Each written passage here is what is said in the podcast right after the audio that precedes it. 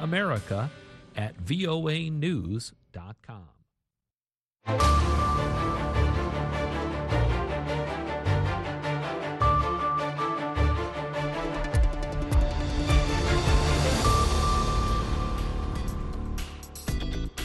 halkani waa washington laanta afka soomaaliga idaacadda v o a oo aad ka dhagaysanaysaan muwjadaha gaaggaaban efemyada geeska afrika iyo caalamkao dhan oo aad nagala socotaan v o a somali com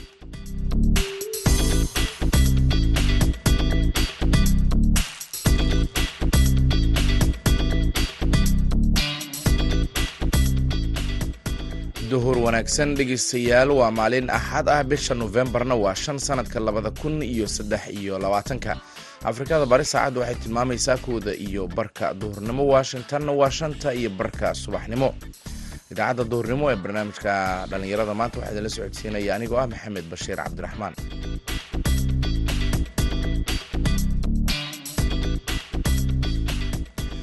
qodobada aad ku dhegaysan doontaan idaacaddeenana waxaa ka mid ah waraysi aan la yeelanay wasiir ku-xigeenka arrimaha dibadda ee soomaaliya oo booqanaya dalka koonfur afrika kulamana la qaatay soomaalida dalkaasi. Waxa ugu muhiimsan waxaad la socotaa golaha wasiirada xukuumadda dan qaran waxay ansixiyeen siyaasad qaran oo la yidhaahdo siyaasadda qurbajoogta siyaasadda qaranka qurbajoogta soomaaliyeed taasoo marka siin doonta fursado gaar ah oo runtii la xiriiri kara dhinacyo badanna kala xiriiri kara. Hadday tahay ka mid noqoshada east african community. Qodobadaasi iyo warbixino kale oo soomaaliya iyo caalamka ayaan idiin henaa balse intaasi oo dhan waxaa ka horeynaya warkii caalamka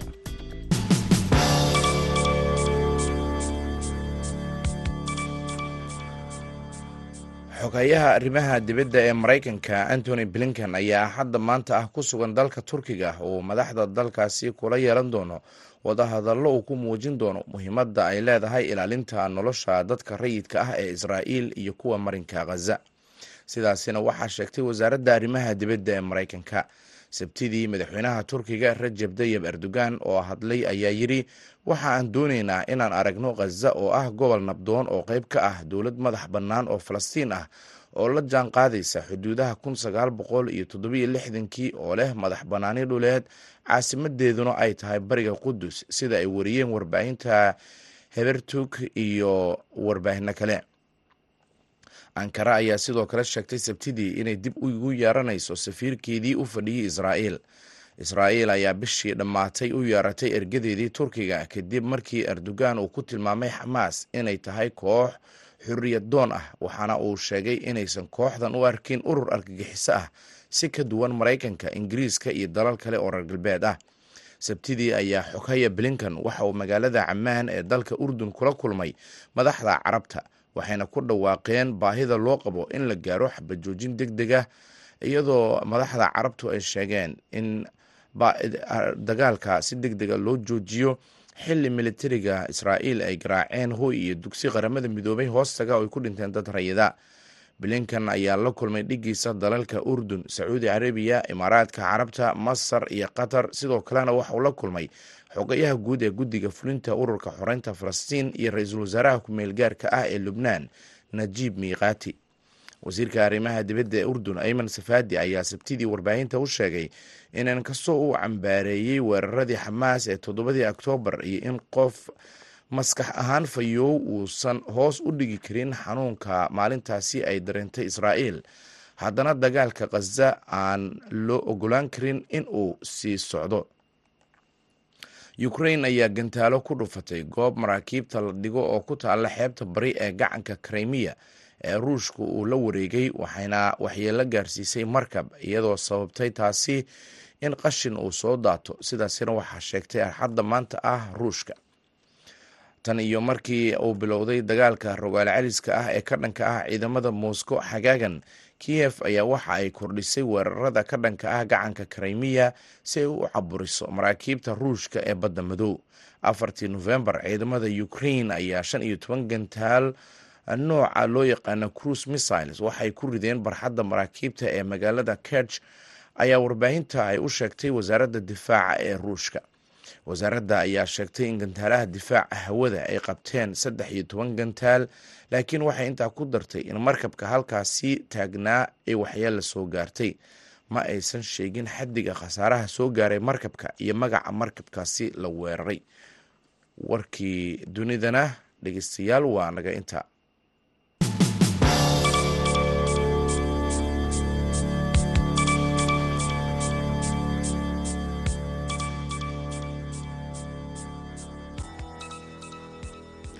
halka wararkaasi aad kala socotaan waa laanta afka soomaaliga ee v o a oo si toos idinkaga imaaneysa washington. Duhur wanaagsan mar kale.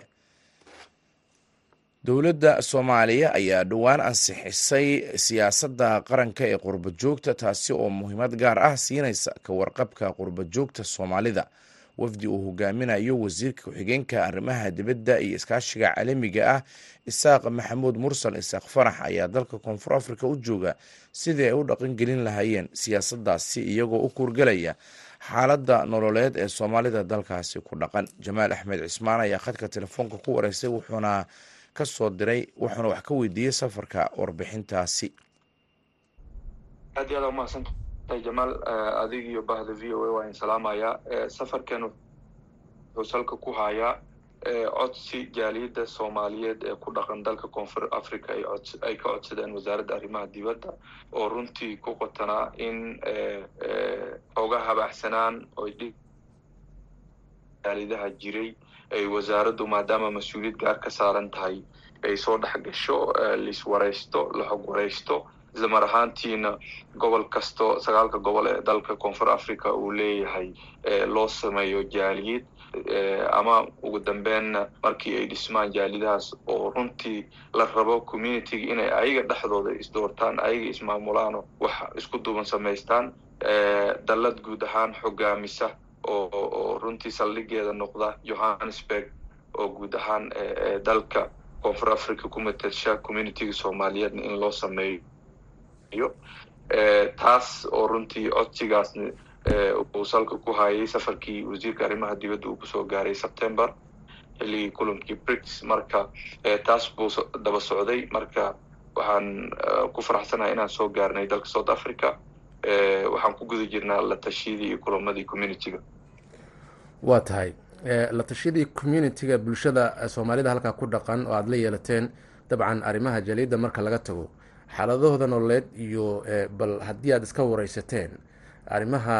amniga ganacsatada soomaaliyeed halkaasi ku dhaqan maxaad isla soo qaadeen? Ilaa iyo saddex gobol ayaan gaarnay markii ugu horeysay johannesburg magaaladii sheeg ugu horeysay aan ku soo horumarnay sidoo kale cape town iyo eastern cape oo runtii magaalada port elizabeth aan ka tagnay. Bulshada qeybaheeda kala duwan iyo gobol kastoo aan tagno wada tashiyaan la sameynay waxaa kaloo farxad ah inaan runtii soo aragnay naftigeeda. Aniga shaksiyan aan tegay ganacsiyada ay soomaalida leeyihiin iyo goobaha ganacsi ay leeyihiin siday u nool yihiin aan soo aragnay. Wada tashiga runtii waa dareemi kartaa south africa soomaalida inteeda badan ama hirkii ugu xooganayo wuxuu soo gaaray kun sagaal boqol sagaashan iyo afartii. Ka dambeeyeyna maalinba ii sheeg waxbaa ku soo kordhayay waa soomaali mug leh oo runtii micno badan u yeeshay dhinaca ganacsatada iyo ganacsigaba. Yaa ku nool dad oo runtii markii ugu horeysay ay dalkan soo gaareen iyo xaaladda hadda ay ku nool yihiin ay aada u kala duwan tahay. Inkastoo haddana meel kasta ama meel kasta oo wax ka jiraan dhibaato iyo faa'iida labadaba lagala kulmo. Laakiin dee majority-ga soomaalida dalkan soo gaartay waa dad ku tiirsan ganacsi aanan dowlad ka sugaynin kaalmo runtii ayaga isku tashtay. Keliya dowladdu waxay focuska saaraysay waraysigaas iyo xaaladda markay dhindhaysa kadib in la sameeyo runtii community isku xiran ka turjumi kara guud ahaan gobol kasta iyo gaar ahaan jaaliyadda soomaaliyeed ee koonfur africa ku nool dalad midaysa in la sameeyo taasoo marka ujeedka ugu dambeeyo ay tahay in aan ka hor tagno yarayno dhibaatooyinka ku imaan kara communitiga soomaaliyeed ee ku nool dalka koonfur africa isla mar ahaantiina haddii ay dhacdo in qof soomaaliyeed uu dhib gaaro in ay u gurman karaan oo iscaawin karaan midkii la dhaco iyo kii ii sheeg wax la gaarsiiyaba ay u gurman karaan. Wayna runtii dad qiimo badan oo ii sheeg isku xiran way jiraan laakiin still sidaan rabnay iyo jaalidaha sidii la rabay inay u dhisnaadaan uma dhisna taas baa marka dhelisay inaan soo gaarno waxaanu rabnaa insha allah ilahay idankiis inaan ku guulaysano inaan dhisno communitida guud ahaan ka wasaaradda arrimo dibad ahaan muhiimad intee la-eg ayay u leedahay inay aragto community soomaaliyeed oo ka jira dalalka ay hadda ku nool yihiin ay sida weyn oga muuqdaan ama ganacsiga kula hadaan ama siyaasadda kula ahaadaan oo south africa ay ka mid tahay. Haddaan sii dabaraacsado ma south africa keliya ayaad ku ekaan doontaan in communityada soomaaliyeed oo meelaha qaarkood dhibaatooyin ay ka taagan tahay abuuritaankooda ama sameyntooda in aad kaalin ka geysataan ama aad ku taageertaan in ay samaystaan dallada ay ku midaysan yihiin oo danahooda ka hadasha islamar ahaantaasina iska warqaba ka wasaarad ahaan iyo ka dowlad ahaanba wayna farhadgelinaysaa in ay jiraan dad soomaaliyeed oo qaarkood runtii dalka marka soo galayeen. Ayagoonan runtii xoolo badan mase hanti badan la imaanin. Juhdi badan bixiyey. Qaarkood warshido leh qaarkood ganacsiyo xoogan leh qaarkood iskaashitooyin waaweyn oo runtii ganacsiyo inta samaysteen ay ka samaystay nolol u samaynayso ayaga micno. Sidoo kalena familiyadii ka dambeeyay micno u samaynaysay wasaaraddu marka mas'uuliyadda ka saaran waxa ugu muhiimsan waxaad la socotaa golaha wasiirada xukuumadda dan qaran waxay ansixiyeen siyaasad qaran oo la yidhaahdo siyaasadda qurba joogta siyaasadda qaranka qurba joogta soomaaliyeed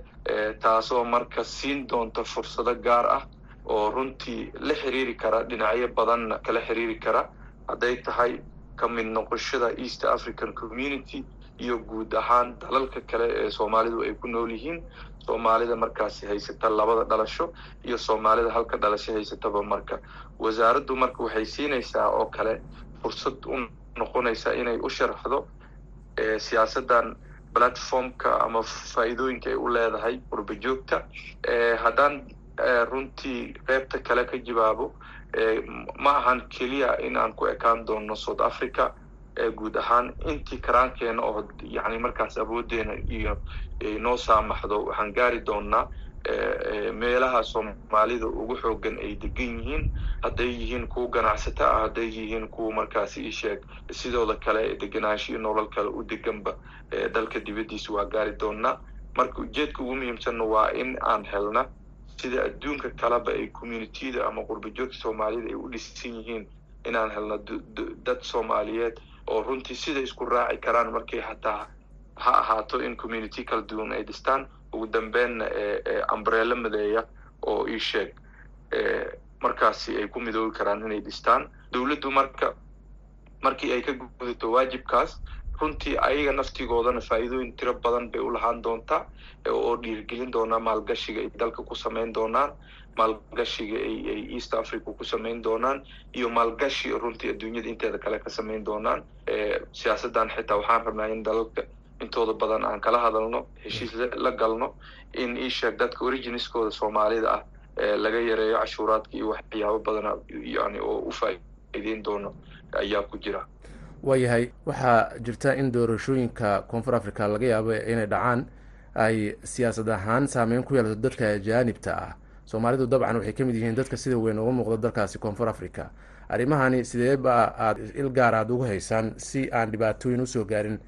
dadka soomaaliyeed ee waddanka ku dhaqan?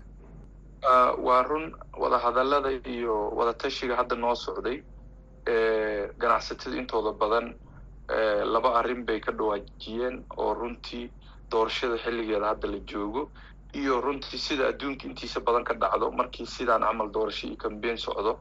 waxaa jiri karta dad ku kambeyn gareeya in nolosha isheeg dalkan ay saameyn ku yeesheen. Soomaali keli ma ahan dadka soo galootiga ah ganacsi ganacsiyada xoogan kuleh dalkan isla mar ahaantiina aad dareemi kartid in ay isheeg ay ay kaga firfircoon yihiin ganacsi dhinaca ganacsiga communitygii dalka u dhashay ama isheeg marka wax keliya isheeg oo looga gudbi karana waxa waaye wax hadda wasaaraddu ay ka shaqaynayso in ay isku dubnaadaan inay u midoobaan waxyaabaha culeysaadka soo fuuli karo inay ii sheeg ay maraan jahda ugu saxsan oo ii sheeg ay dalka ay ku nool yihiin oo runtii ay nolosha u soo doonteen oo ganacsat ganacsiga ay u soo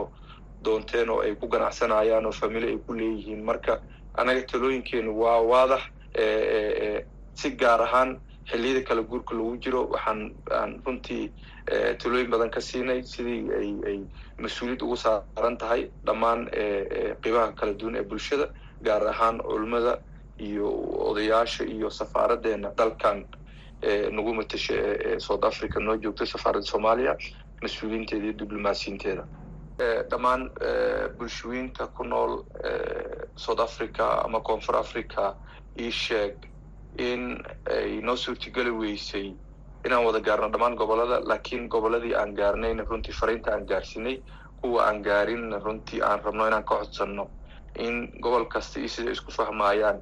aan dhehe gobol kasta inay yeeshaan jaaliyad runtii jaaliyadaas oo ku xirmi karta ambreelaha kale oo dhismi doono insha allah guud ahaan dalka ku mateli doono. Soomaaliya ee dalkan noo fadhisa. Sidoo kalena ku xirmi doonta dowladda south africa si hadhowdii meelihii culeysaad ka haysto iyo waxyaabaha xuquuqaadka ay lahaan karaan in loo fududeeyo. Marka intaasaan rabaa inaan kula dardaaramo guud ahaan ganacsatada iyo bulshada ku nool dalka koonfur africa oo runtii dad aada u qiimo badan oo muddooyinkaa nala taagnaayay oo si fiican noo soo dhowey ah. Marka intaan ka gaari weynena waan ka cudur daaranaynaa. Waxaan ka shaqayn doonaa inaan mar labaad iyo xilli kastoo macquul noqoto aan ku soo noqono. Waxaana rajaynayna inaan ku guulaysano ambareelayaasha iyo iyo dalladaha aan rabno inaan dhisno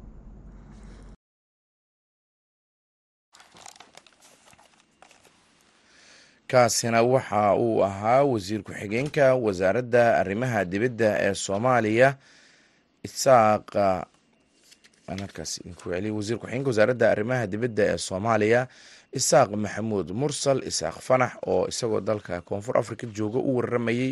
wariyaha v o a jamaal axmed cismaan markana gobolka gedo fatahado culus iyo daad ayaa daad ka dhashay biyaha roobka ayaa saameyn weyn ku yeeshay bulshada ku dhaqan ugu yaraan afar degmo oo ka tirsan gobolka gedo. Degmooyinka luuq baardheere doolow iyo beled xawo ayaa waxaa ku fatahay webiga jubba iyadoo halka magaalada ceelwaaqna saddex qof ay ugu geeriyoodeen oo laba gabdhood ay walaalo ahaayeen ay ku jireen roob xoogan oo halkaasi ka da'ay dad badan ayaa guryahooda ka barakacay waxaana jira walwal ay mas'uuliyiintu ka qabaan xaalka daadadka iyo saameynta ay yeesheen. Cabdirashiid caroog oo ah guddoomiyaha degmada beled xaawo ayaa goor sii horeysay waxuu qadka telefoonka ugu waramay wariyaha v o a sahre cabdi axmed. Bismillahi raxmaan raxiim sahro waan ku salaamayaa. Adiga iyo bahda saxaafadda v o a belxaw hadda waa okay xaalad oo aad u buuran hadda situation kama jirto laakiin roobab aad u badan baa daay. Meel walba biya fadhiya. Lakiin anagu roobabka waxay saameyn nooga yeesheen dhanka beeraleyda. Tuulooyinka loo yaqaano riverenka ama webiga jiinkiisa ilaa iyo dhowr iyo toban tuulaa waxay leeyihiin beero beerahaas baa magaalada maaragtay khudradda iyo raashinkii wax walba uga soo baxa. Beerihii baa marka dhammaan waxaa saameeyey biyihii webiga ka soo fatahay hal beeroo keliya shan iyo toban ilaa lix iyo toban motoor yaa maaragtay biyihii la tageen. Dalagyadii waa baaba-een. Marka beerihii intay soo dhaafeen biyihii ay tuulooyinka qaar sida tuulo loo yaqaano unsi ay barakiciyeen waa garta marka dad intee la-eg ayaa ku barakacay fatahaadahaasi webiga iyo roobabka isku darsamay? Ma jiro aducate number oo hadda aan hayno lakiin ilaa iyo dhowr tuulaa maaragtay laga qaxay lakiin kumankun way gaarayaan dadka ka qaxay. Markii loo eego qoys ahaan. Marka dadkaasoo dhan ma bereley bay ahaayeen hawa dadka tuulooyinka degan ee beeraleyda beeraha ku tiirsan. Inta badan waxa ay saameyntu maaragtay ay biyi ku yeesheen markii la yidhahdo balaxaw. Inta badan fatahaadaha waxay ka dhici jireen magaalooyinka webiyada dhinaca ay ku badan yihiin sida hadday noqoto doolow ama luuq ama baardheere sanadkan ma wax ka duwan wixii horey loo arki jiraa keentay in webiga banaanka ku yaalla beled xaawo uu saameyn ku yeesho gudaha magaalada actually gudaha magaalada saameyn webiga kumuusan yeelanin laakiin magaalada markii dhanka doolow looga baxo